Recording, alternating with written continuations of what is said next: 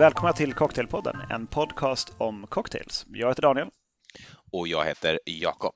Det ser ut som att du är i stugan igen, Jakob.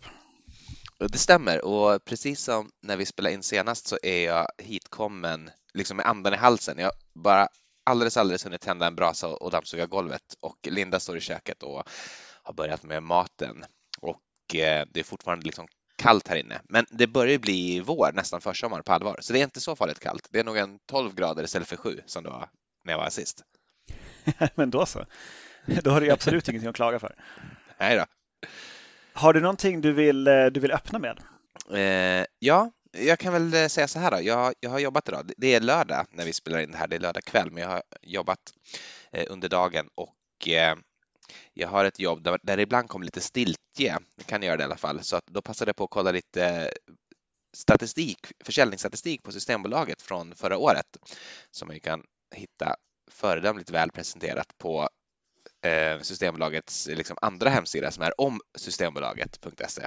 Och jag kollade lite grann hur Mescal har sålt och hur Tequila Rose har sålt. För jag var, var lite intresserad för att se om, eh, om, om det här eh, att folk börjar göra valborgs nu kan möjligen ge något utslag på försäljningssiffrorna.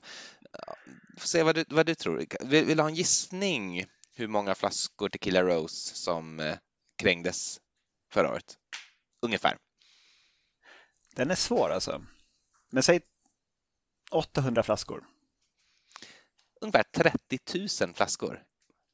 Vem är det som dricker Tequila Rose utanför konceptet av en valborg, undrar jag då. Eller hur? Jag är jätteförvånad. Aldrig, aldrig sett eh, någon någonsin ha det. Aldrig fått något medhåll när jag berättar att jag har en flaska Tequila Rose, att någon annan säger liksom good for you. Ja, men det, jag förstår det. Det är otroligt.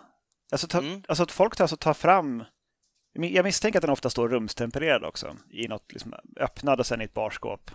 Eller ett ja. skåp bara.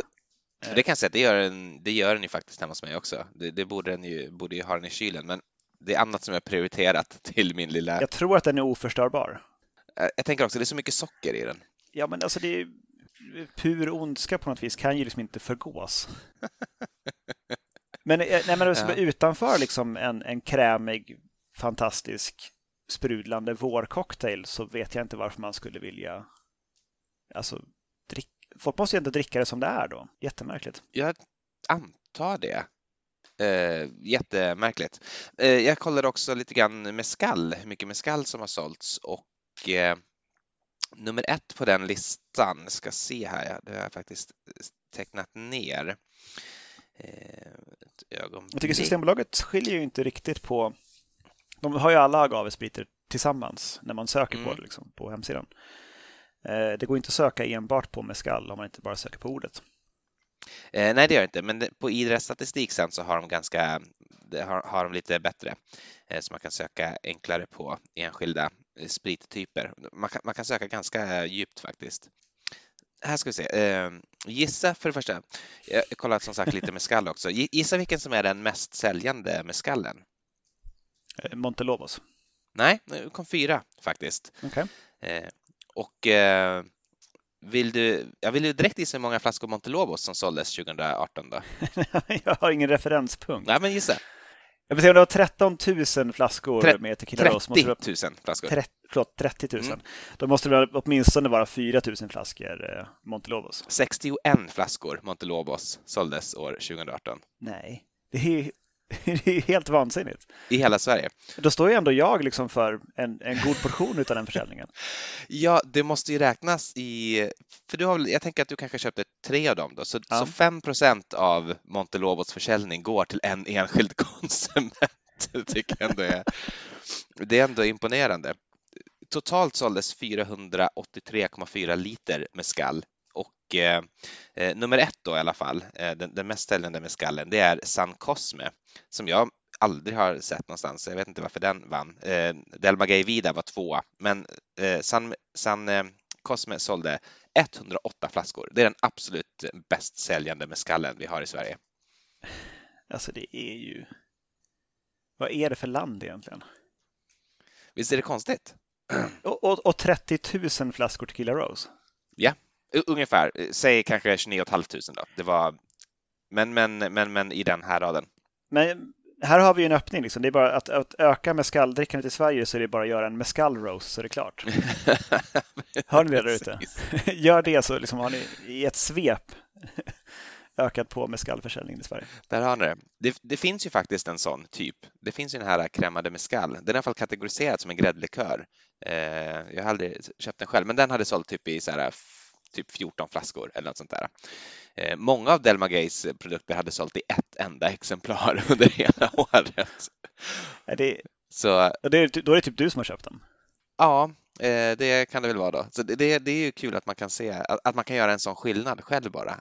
En enskild konsument kan göra det. Eh, det, var, det var, har ingenting med dagens ämne att göra. Jag bara tyckte att det var någonting som jag trodde du skulle uppskatta och, och veta. Ja, jag, jag är chockad och gissar väldigt fel. Mm, men, det, men du var ungefär, gissar ungefär som jag hade gissat innan så eh, du, kan, eh, du kan ändå vara glad för det. Mm. Eh, på vår sida så har vi varit eh, i, i Borås idag och letat husfärg. Och mm. naturligtvis när vi kom tillbaka från detta, detta äventyr i textilstaden så behövde vi stärka oss. Så vi, vi bestämde oss för att göra zombies Eh, efter receptet i Smugglers Cove. Mm -hmm. Och då använde vi första gången eh, den här eh, Hamilton Beach mixerapparaten som jag köpte i vintras. Ja, med flash, flashblending. Ja, precis. En sån, sån Gud vad kul!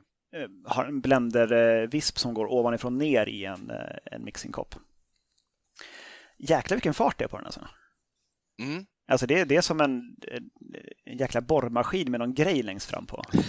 man kanske, om man inte har en sån kanske man kan sätta på en borrmaskin. Liksom. Ja, ja, men så har man en sån slöjdborrmaskin med en sån här arm som man fäller ner uppifrån.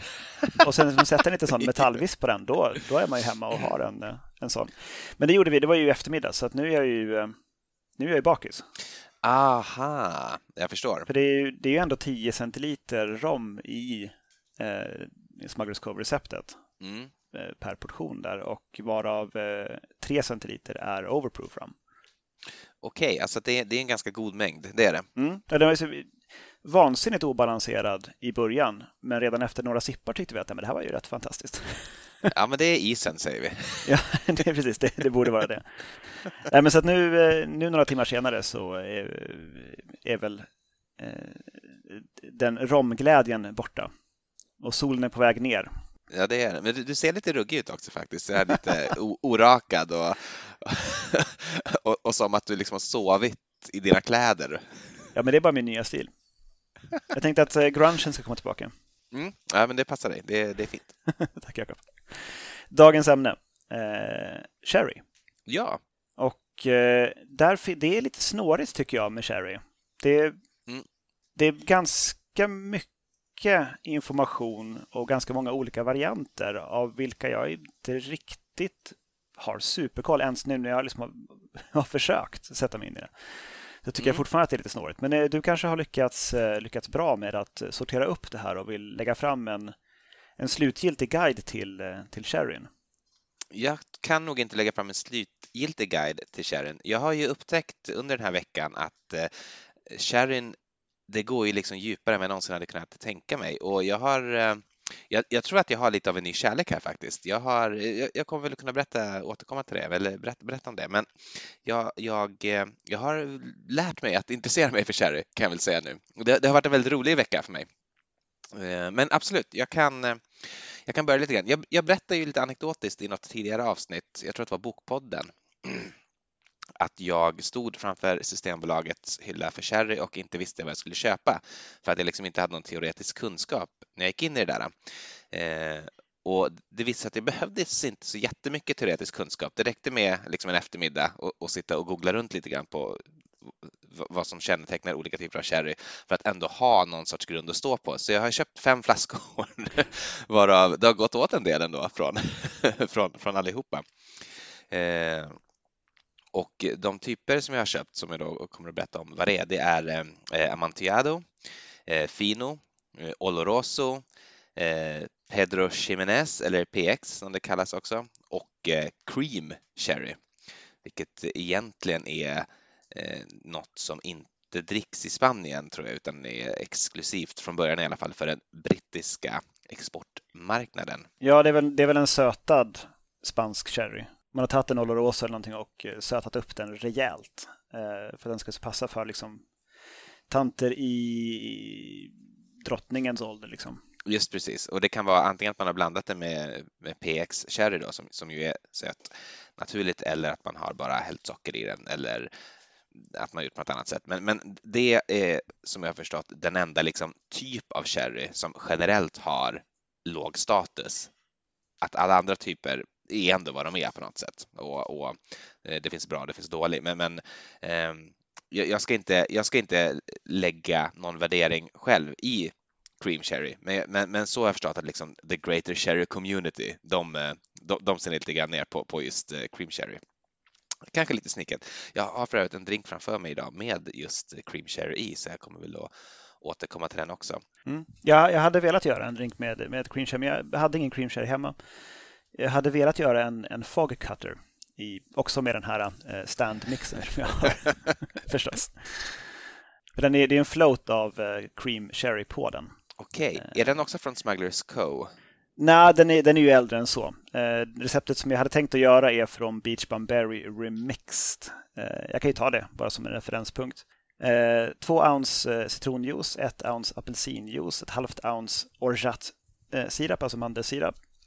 2 ounce ljus rom, 1 ounce brandy, ett halvt ounce gin. Och det här ska man då köra i eh, den här eh, standmixen med krossad is och några isbitar och eh, hälla det Eh, utan att sila ner i, ett, eh, i en tiki-mugg förslagsvis eller ett större glas. Och sen toppa med lite mer is och sen ska man hälla sherry, då ett halvt ounce, eh, som en float ovanpå. Mm. Det tror jag kan vara en höjdare faktiskt. Mm, jag, har ju, jag har druckit den på, på bland annat Akku Akku då i Oslo, men inte, inte gjort den själv. Jag får väl skaffa mig helt enkelt en av de här fnysta åt sherrysorterna, nämligen Bristol Cream. Just det. Men, men eh, sherry i alla fall, det är ju en, typ av vanligtvis vitt vin alldeles från början som är förstärkt med druvsprit, druvdestillat av något slag eh, lagrat och lagrat på ett ganska speciellt sätt. Eh, det är väl huvudsakligen två typer av druvor som används för sherry. För de här alla torra sherrys så är det väl, heter den Palomino tror jag. Ja, Palomino har jag sett. Palomino och vi kan väl dröja kvar vid den då bara. Eh, det börjar med att man, man jäser druvjuicen och då får man liksom ett neutralt och tråkigt vin som jag har förstått det. Som i, i sig då inte direkt har några egenskaper och det är så tråkigt att de här sherrymakarna fortfarande kallar det för must, vilket jag tycker är roligt, för det, för det är ju ändå vin. Men, men de har liksom inte ens, eh, de har inte ens kommit upp i vinstatus då eh, riktigt. Och sen så ska det lagras och eh, den här lagringsmetoden är ju ganska speciell eh, och det är väl den som gör Alltså den är på något sätt sherryns både eh, gift and curse. Eh, för den gör ju att produkterna blir ofta väldigt eh, komplexa och liksom bra och lång, långlagrade och, och liksom högkvalitativa. Men det finns liksom inget sätt att göra vintage sherry i princip. Utan alla sherrys är liksom blends av typ alla vinårgångar som någonsin har gjorts på den liksom specifika sherryproducenten i princip. För det här Solera-systemet eh, som ett ord som man kanske har hört. Eh, du refererar väl till det tror jag i ett tidigare avsnitt, så du kanske vill berätta ungefär vad det handlar om? Nej, Nej alltså det, det, är väl att man, man slår ihop eh, hela tiden. Som en mm. surdeg nästan. Liksom. Man tar delar av det äldre hela tiden. Men sen tror jag också att man i sherry, att man helt enkelt bländar aktivt också. Även om man inte har Solera, ja. för jag tror inte Fino görs med Solera. Jo då, det gör det. Eh, då får man ju vara, du tänker att det blir svårt att göra eftersom det ska ha det här lagret på sig. Eh, ja, precis. Alltså det, I alla fall Finon så växer det ju någon slags gästsvampar på, på ytan i fatet. För man fyller inte fatet mm. hela vägen upp. Och då det bildas det här som kallas för flor eller flor. Eh, och som då skyddar delvis i alla fall mot oxidering. Eh, vilket gör mm. att finon är mindre oxiderat än, än andra sherrysorter. Just det. Vilket jag har fått för mig beror på att man har en högre alkoholhalt eh, i andra sherrysorter vilket gör att svampbildningen ovanpå ytan blir inte lika kraftig och då oxiderar det mer. E, exakt så är det. Eh, den, blir väl, den uteblir helt till och med i en Oloroso till exempel. Eh, någonstans runt 15 procent alkoholvolymprocent är idealt för det här floret. Så en Fino liksom häller man spriter tills den når ungefär 15 procent. Och då bildar den det här som du kallar flor och det kräver ju då att man inte fyller upp tunnan helt. Så fem sjättedelar av tunnan brukar man säga ska vara fylld Eh, med eh, vin och eh, resten då luft och flor. Men även en Oloroso till exempel som inte har det här floret fyller du inte tunnan helt heller utan du vill ju ha lite luft då för att det ska kunna oxidera. Det ska ju vara en, det ska inte bli dåligt, det ska inte bli vinäger men det ska bli en, en kontrollerad liksom, oxidering. Det kan man också bara säga förresten att Sherry lagras ju på fat, men de här faten är väldigt gamla och väldigt använda och de ger ingen eksmak. Så sherry är liksom inte ekat vin på något sätt överhuvudtaget. Eh, det är inte liksom just, det är inte träet i sig som, som gör lagringen utan det är tiden och floret då, eller luften. Men eh, Solera-systemet hur som helst, det är att man har ett visst antal tunnor som, som liksom sitter ihop i ett system, typ där du kan liksom tömma delar från vad ska man säga då? Vi, vi, vi, det behöver inte vara just i, i eh, vad heter det, altitud, men vi kan säga från den översta kan du liksom hela tiden tömma ner till den under och sen till den under och sen till den under och så vidare. Och där vi kan säga att då, den understa, det är den som är eh, där allting är äldst och det är den man sen tappar själva vinet ifrån. Eh, så när du, när du kommer in till Cherry då är alla de här tunnorna liksom så fulla som de ska vara. Eh, och när du ska tappa så tar du bara vin från den understa tunnan, men du tar bara en tredjedel max. Det är så mycket du får ta el om du ska liksom göra sherry. Det är såna här, vad heter det, AOC? Nej, DOC. DO. Eh, eh, regel då, att, att max en tredjedel av, av eh, volymen från den liksom, nedersta tunnan i det här systemet får man tömma. Men Hur stora är de här faten? Vet du det? Eh, alltså är det sådana här superstora de... liksom, som typ man kan stå två människor på höjden i? Eller, liksom, eller är det mer som en traditionell vintunna som man ser? Jag tror att, jag vet faktiskt inte om, om det eh, om det finns några regler kring det. Jag, tror att, jag, tror, jag skulle gissa att det kan skifta faktiskt, men det är inte liksom heller riktigt poängen. För eh, poängen är att eftersom du aldrig tömmer tunnan så liksom försvinner egentligen aldrig även liksom den allra första batchen, det finns alltid liksom någonting kvar från den. Det finns alltid någonting kvar från alla batcher du någonsin har gjort, för liksom, du får aldrig ut allting. Och det är klart, det blir ju, ju längre bak i tiden det går, desto, eh, desto eh, liksom mindre del av det här riktigt, riktigt gamla vinet är det såklart. Men, men i princip så finns det ju kvar liksom, molekyler, millilitrar från liksom den allra, allra första eh, batchen vin som du gjorde.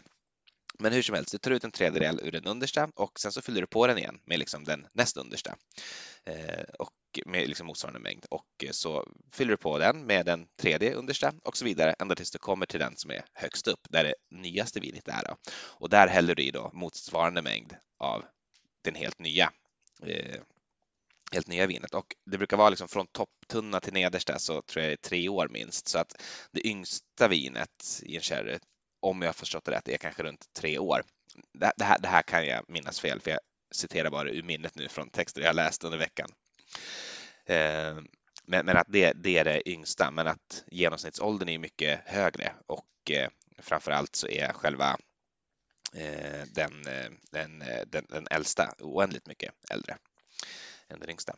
Men, men det lagas på det sättet och det gör ju att det blir en liksom kontinuitet eftersom det är ungefär alltid samma blandning. Det är väldigt lite nytt egentligen jämfört liksom med den totala mängden vätska i hela systemet som tillkommer. Så även om det eh, liksom skiftar väldigt mycket eh, förutsättningarna och liksom själva ursprungsvinet så blir ändå skiftningen i den färdiga produkten väldigt, väldigt långsamt. Det tar väldigt lång tid liksom innan det skulle slå över. Eh, och även om man tänker att det skiftar från år till år, men att det ändå håller över en tioårsperiod någon sorts någorlunda jämn liksom, smak och kvalitet, så blir också i princip liksom oskiljbart liksom, själva slutprodukten från år till år. Så det är väl lite grann hemligheten då. Men eh, vi nämnde flor, det bör man väl prata om också då, eh, kanske lite i mer detalj. Det är någon sorts gästsvamp, eller hur?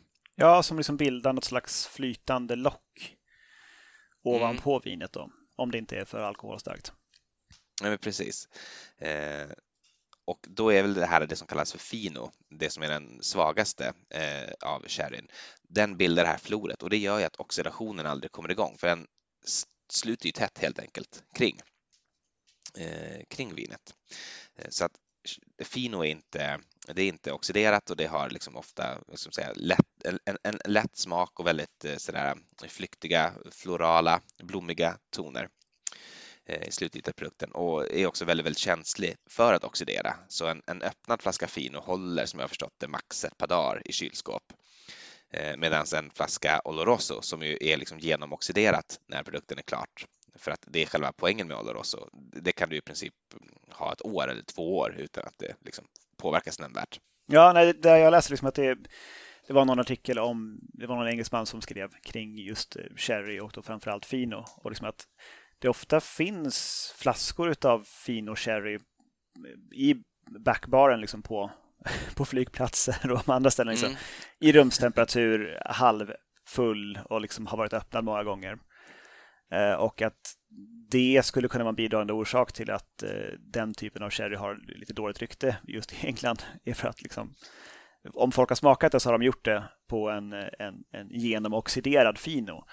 Vilket inte är optimalt då. Exakt. Där stod det som att eh, i, i Jerez-regionen då i Spanien, liksom där, där är det några timmar den har varit öppen så liksom, nej men släng skiten. Alltså det, det, det, det kan ju inte dricka. Herregud, har de liksom stått framme 45 minuter? Men släng fort innan den kan skada någon. Att, eh, lite, lite olika på olika ställen, men där i, som sagt i England så är det ofta den sötade cream sherryn som liksom har varit sherry-sorten som ändå har druckits mycket av. Precis, jag tror att det är de flesta kanske tänker på när de tänker på sherry också. Eh, även eh, den här Bristol Cream är den överlägset mest sålda sherryn även i Sverige. Passade jag på att titta när jag kollade på eh, systemets statistik. Det här gäller år 2018, men vi kan väl gissa att det är samma i år. Men de andra sorterna då, det var, det var Fino som har det här floret. Eh, Amontillado, om jag har förstått det rätt, så bildar det flor först men sen om det är att man tillsätter druvsprit eller om det är faktiskt så att i och med att det fortsätter någon sorts jäsningsprocess, att alkoholen höjs lite grann, så liksom kommer det till en nivå där det här floret dör. Så det blir typ en fino först, men som sen tillåts oxidera lite grann. Så det är som en liksom blandning mellan en Oloroso och en fino, typ. Eh, så den är lite nötigare och, och lite liksom kärvare eh, än en fino, men, men inte lika nötig och kärv som en Oloroso som ju är liksom upp uppad så mycket med alkohol så att det här floret aldrig bildas överhuvudtaget och som därför oxiderar fullständigt och blir också ganska mörk i färgen. En fino ska ju vara väldigt, väldigt ljus. Eh, jag läste en blogg, jag vet inte om det stämmer, men enligt eh, honom så är den liksom det minsta gul så är den förstörd. Då ska man gå tillbaka till Systembolaget och skälla ut dem och säga att ni måste lagra det här i kyl, ni kan inte ha det på hyllan. okay. Eh, den, den, du köpte, var den, var den det minsta gul? Den, den var, Ja, den var det minsta gul, så jag vet inte om den, är, om det var, om den var förstörd. Men den var, jag tyckte den var väldigt lätt och god. Jag tycker även, även min, eh, den fina jag mm. köpte var ju Tio, Tio Pepe. Det är väl en av de allra vanligaste i, i världen tror jag som, som säljs, eh, Tio Pepe. Och eh, ja, den var väl också så lite så svagt, svagt, svagt gul.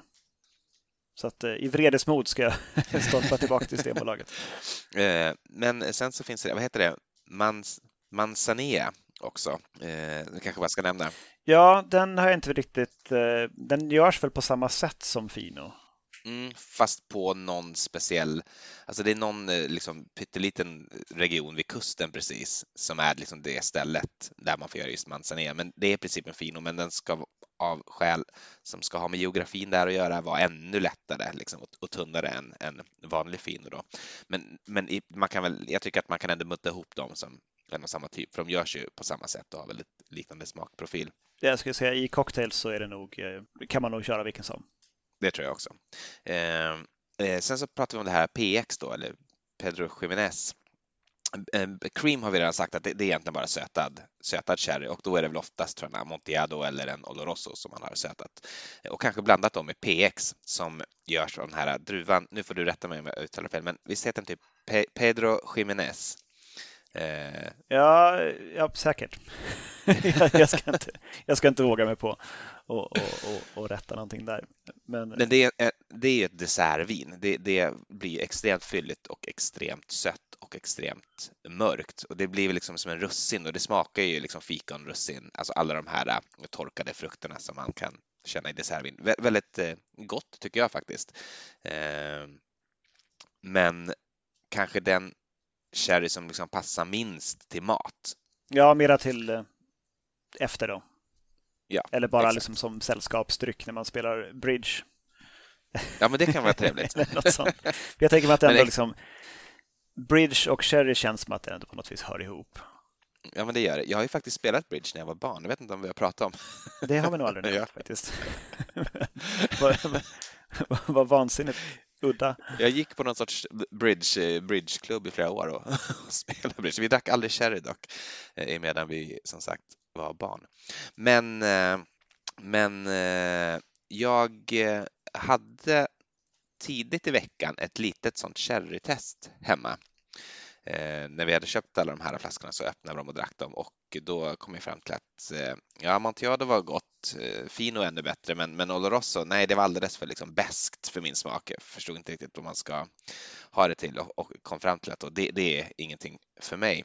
Men Sen när jag läste lite mer så är det, det är så många som hyllar sherry och säger att det här är otroligt underskattad, framförallt otroligt liksom underskattad prismässigt eh, eh typ av vin som antagligen beror på att det inte finns några vintages och det liksom har inte någon stark branding så att eh, de kan liksom inte ta betalt för någonting annat än bara själva arbetet. Och typ så resonerar många vinnördar så att jag tänkte jag ska ge det en chans till och då skriver folk speciellt att så här, ja, en, en liksom god tapasbricka med, med lite Oloroso, det är liksom himmelriket. Och eh, jag försökte replikera det där lite grann igår, så jag gick och köpte två stycken spanska ostar och lite tryffelsalami eh, och några inlagda eh, oliver. Och eh, när vi kom hem då från jobbet, jag och Linda, så öppnade vi Oloroson igen och så satt vi och drack lite Amontillado och lite Oloroso och bara satt och snackade på det här. Och herregud, det är typ det är det godaste jag har, det är det godaste jag ätit. Det var fantastiskt. Och, så det stämmer? Liksom, vad kul. Ja, det stämmer verkligen. Jag tror att någonting med liksom sältan och fettet i ost och salami passar så oerhört bra med eh, den när liksom eh, bittra kärvheten i, i, i en väldigt oxiderad Oloroso. Så jag är totalt såld, så jag har redan börjat drömma om nu att eh, nästa sommar så ska vi åka ner till Andalusien på sherryresa och, och, bara dricka, dricka sherry och äta tapas. Jag, jag har varit jag har varit golvad alltså. Det var så, så, så gott. Jag tog en liten bild på det här sor sorgliga tapasbordet tillsammans med alla mina sherryflaskor så att jag tänkte det får bli avsnittsbilden och eh, den ligger antagligen redan ute när ni hör det här så kan ni se hur det såg ut. Det var, men det var verkligen så gott. Mm. Alltså Oloroso var en av de, den första sherryn som jag provade i en, eh, i en cocktail inför avsnittet. Eh, mm. I en drink som heter Sargasso. Eh, som är skapad av en karl som heter Don Lee på PDT i New York. Eh, då är det två ounce lagrad agrikolrom och då använde jag eh, en åttaårig barban, barbancor eh, mm. från Haiti, tror jag. Och så är det tre fjärdedels ounce Oloroso Cherry, ett halvt ounce Aperol, två stänk Angostura och så ska den röras med is och silas till ett kylt kokglas och garneras med citronzest. Men den tyckte jag inte alls var någon höjdare. Den smakade liksom mest bränt socker och det tror jag kommer av liksom Oloroson på något vis. Alltså så här mörkt, mm. så lite pepparkakshus, bränt socker liksom. Det satt inte alls ihop riktigt. Det var intressant. Jag var, nej, det var ingen höjdare. Så men jag provade ganska raskt då en, en till eh, eh Oloroso Cherry drink för att liksom så här, så här ska det inte vara liksom. Mm. Um, då var det en drink som heter Marshall eh, som är ett Bacardi Legacy eh, tävlingsbidrag eh, från eh, David Bonsimino på The Other Room i Singapore. Det här är från 2017 då. Så är det ett och ett tredjedels ounce Bacardi 8 år ska det vara, men där använder jag, för det har jag inte, så då använder jag Havanna Club 7 år jag tänkte att det mm. måste ändå vara typ jämförbart. Det kan det nog vara. Um, och sen två tredjedels ounce citronjuice, ett halvt ounce Oloroso Cherry, en tredjedels ounce fläderlikör, ett sjättedels ounce agavesirap, två nypor nymald svartpeppar och det här ska skakas med is och silas till ett kylt kokglas. Och då garneras med citronzest även där. Eh, den var rätt god. Eh, lite för syrlig, men det kan ha berott på att jag använde hemmagjord fläderlikör istället för eh, Saint Germain som det skulle vara, då, som jag misstänker är lite sötare.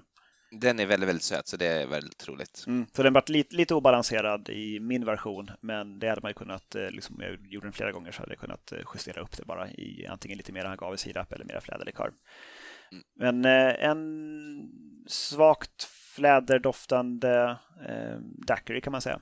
Och jag tycker inte att Oloroso Sherryn riktigt eh, klev fram speciellt mycket i den. Nej, jag, jag, jag kan ju annars tänka mig att eh, ska man blanda liksom blommiga eh, likörer med sherry, då är det ju en fino man ska ha. Jag kan verkligen tänka mig att Saint Germain och fino och typ någon väldigt lätt rom, kanske bara eh, Bacardi, vad heter den? Heter den Carta Blanca? Ja, det är så vanliga. Till exempel där kan man ha liksom en grund att stå i för att göra någonting ganska mysigt tror jag. Eller kanske en blommig gin, typ Blooms. Eh, eller någonting sånt. Men eh, jag, eh, de flesta drinkar som jag har liksom pratat om och som jag har fotograferat som kommer ut på Instagram, de gjorde jag igår eh, när jag var hemma och hade tillgång till baren. Nu är jag som sagt i stugan, men jag har en drink framför mig här också. Så det är lika bra att prata om den på en gång innan isen smälter, för det är en eh, Old fashion-variant. Du ser den där, du ser att den har ett sånt litet apelsinzest i sig också. Eh, den heter Kanu No och eh, är av japanskt ursprung som man kanske anar av namnet. Eh, så här står det. Adapted from a drink created in 2007 by Mr. Ueno at Star Bar, Ginza, Tokyo. Originally served straight up. Jag har då inte gjort som i originalet utan som i Diffords variant som då är serverad på is. Eh, och i en kanna så ska det vara två och ett fjärdedels ounce med eh, eh Bacardi Ojo, det vill säga åttaåringen och jag hade den så jag, kunde, jag kunde göra på rätt, rätt ram där. Eh, ett fjärdedels ounce med Oloroso sherry, ett sjättedels ounce med cream sherry och ett sjättedels ounce med eh, portvin av Ruby sort. Där använder jag en Tony Port istället för någon Ruby Port hade jag inte så jag hoppas att det kan funka eh, också. Och eh, det, det, ja, det är gott. Det är liksom inte, det är inte fantastiskt gott. Eh, det är det inte. Eh, men eh, det är, det, det, är en god drink. Eh, ska se, vad har du hunnit pröva den här? Och vad tycker du? Om du ska ge betyg i tummar? Eh, en tumme upp får får den här drinken av min partner. Två är max, så hon påpekar här. Så... ja, det är för väl. det går väl systemet då från två tummar ner till två tummar upp. Där två tummar åt sidan är på något sätt. Hä. Och en tumme upp, ja, men det är ändå bra. Det är bra. Mm. mm ja, he helt okej okay, eh, ändå. Eh, när kommer jag nog ändå att dricka upp innan kvällen är slut. Men har du fått till någon, någon Polo Rosa Cherry som faktiskt varit riktigt, riktigt bra? Då?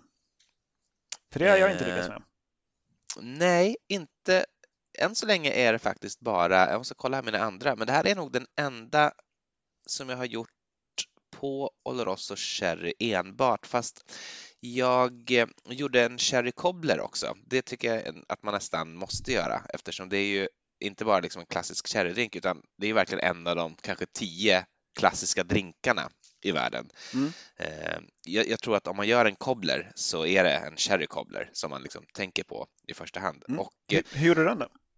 Mm, jag, det finns ju oändligt antal recept, men själva grunden är ju att det ska vara ja, men typ frukt och sherry. Frukt, sherry, eh, kanske socker.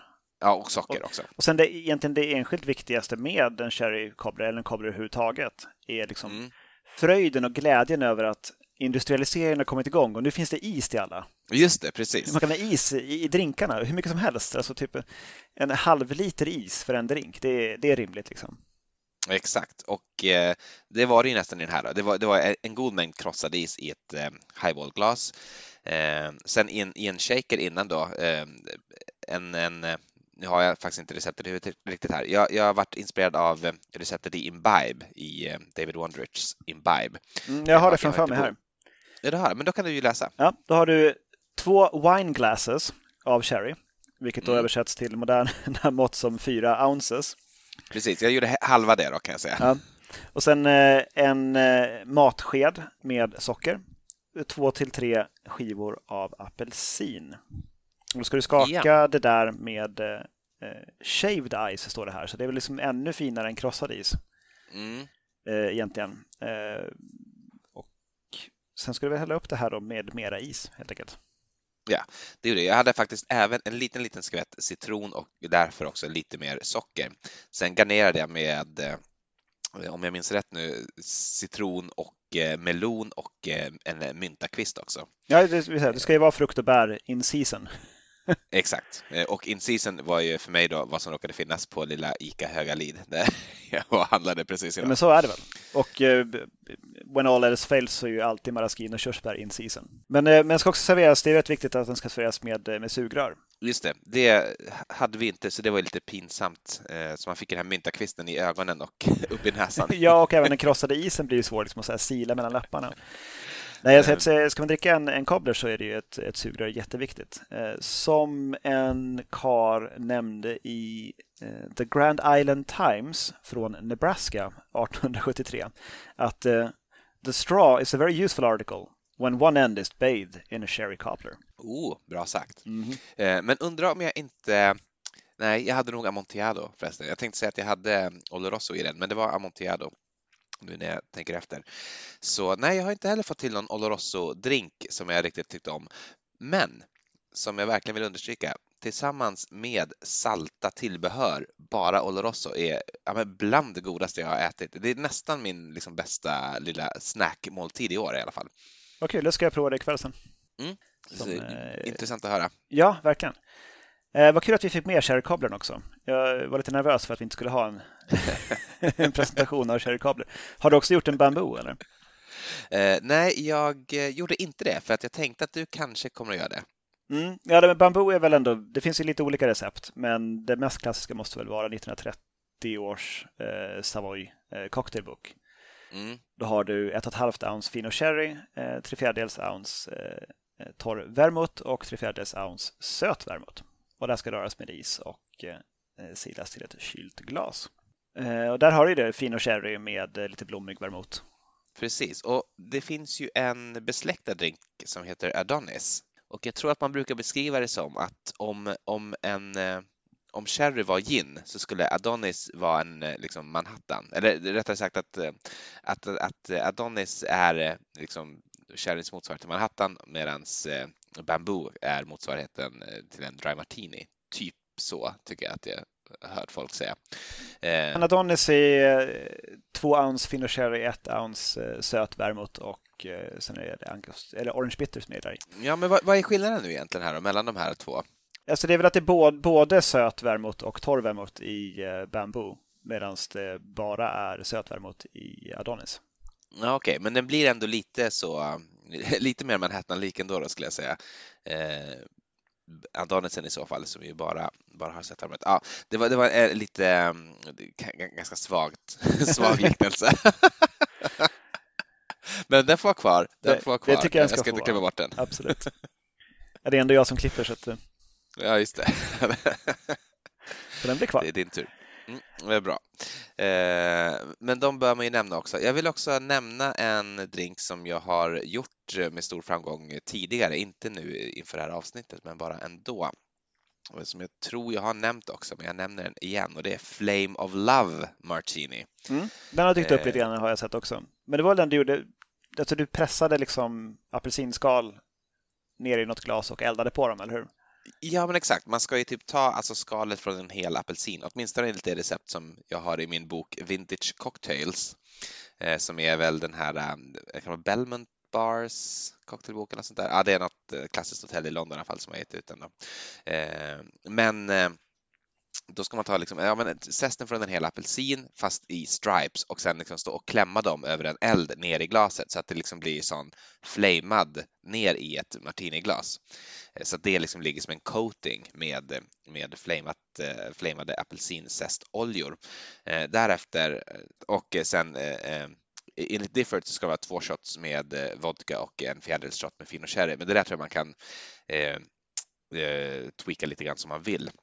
Men, men en stor mängd vodka och en liten mängd sherry i alla fall av fin och karaktär som ska röras på is och sen hällas i det där och garneras med ytterligare ett litet orange peel. Jättegott faktiskt.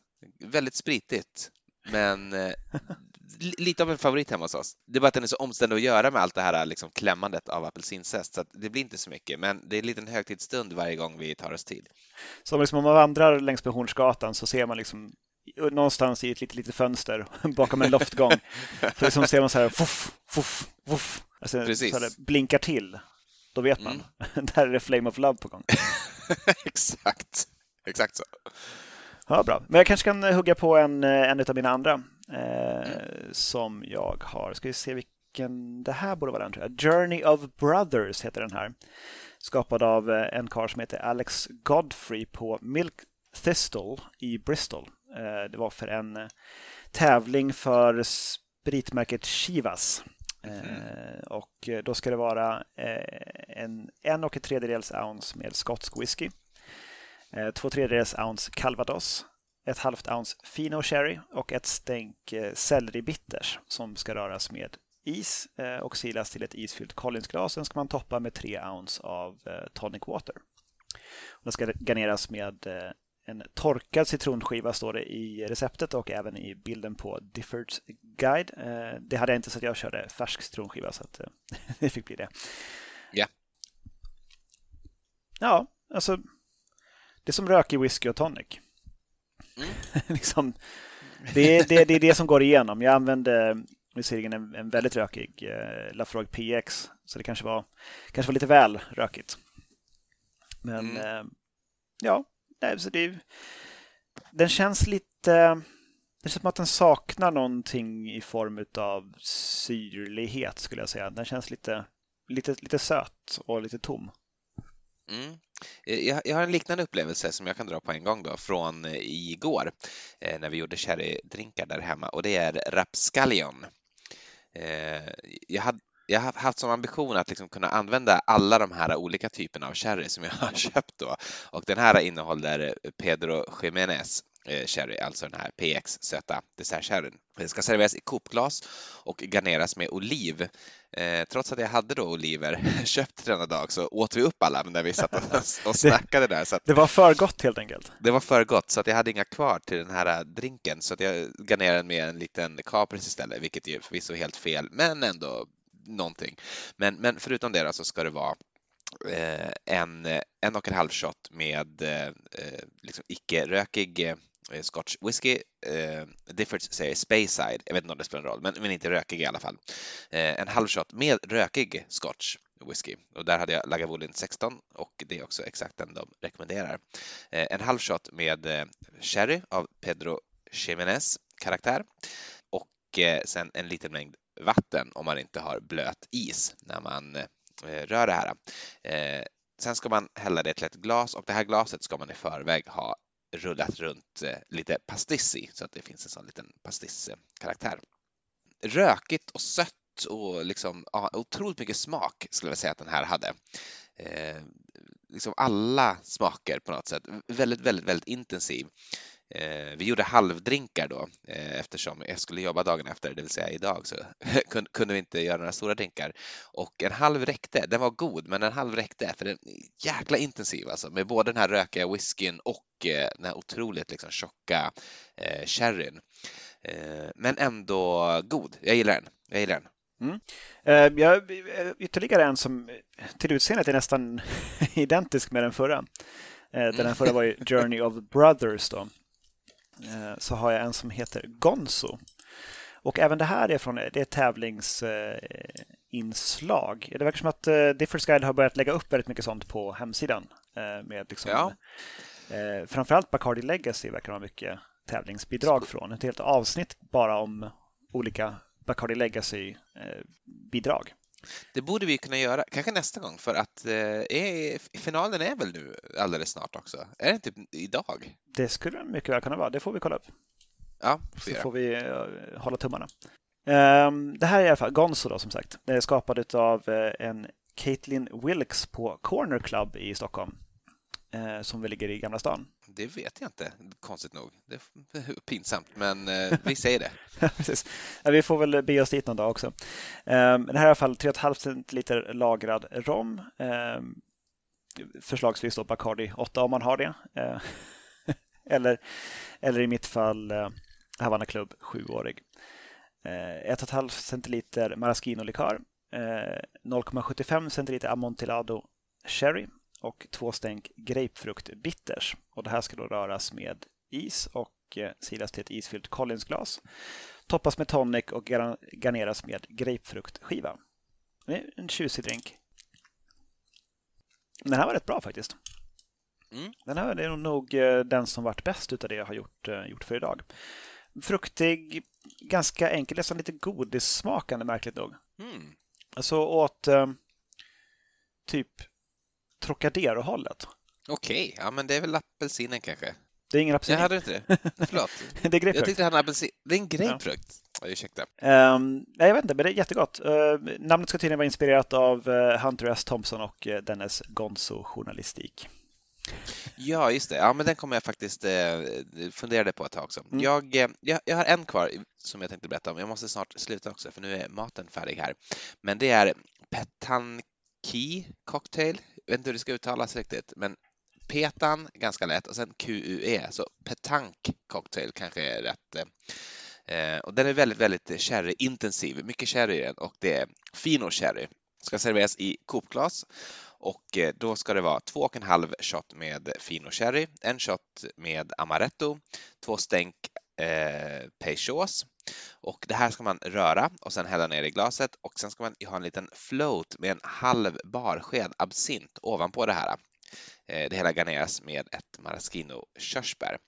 Och eh, det här var den sista drinken som vi drack igår och också den godaste av de drinkar som vi drack igår. Den här var jättegod, liksom härlig, lätt, fruktig och vi hade också en väldigt trevlig stund för medan vi drack den så eh, läste jag en liten text högt för Linda med sherryanknytning, nämligen Edgar Allan Poes The Cask of Amontillado, eh, ett fat Amontillado på svenska.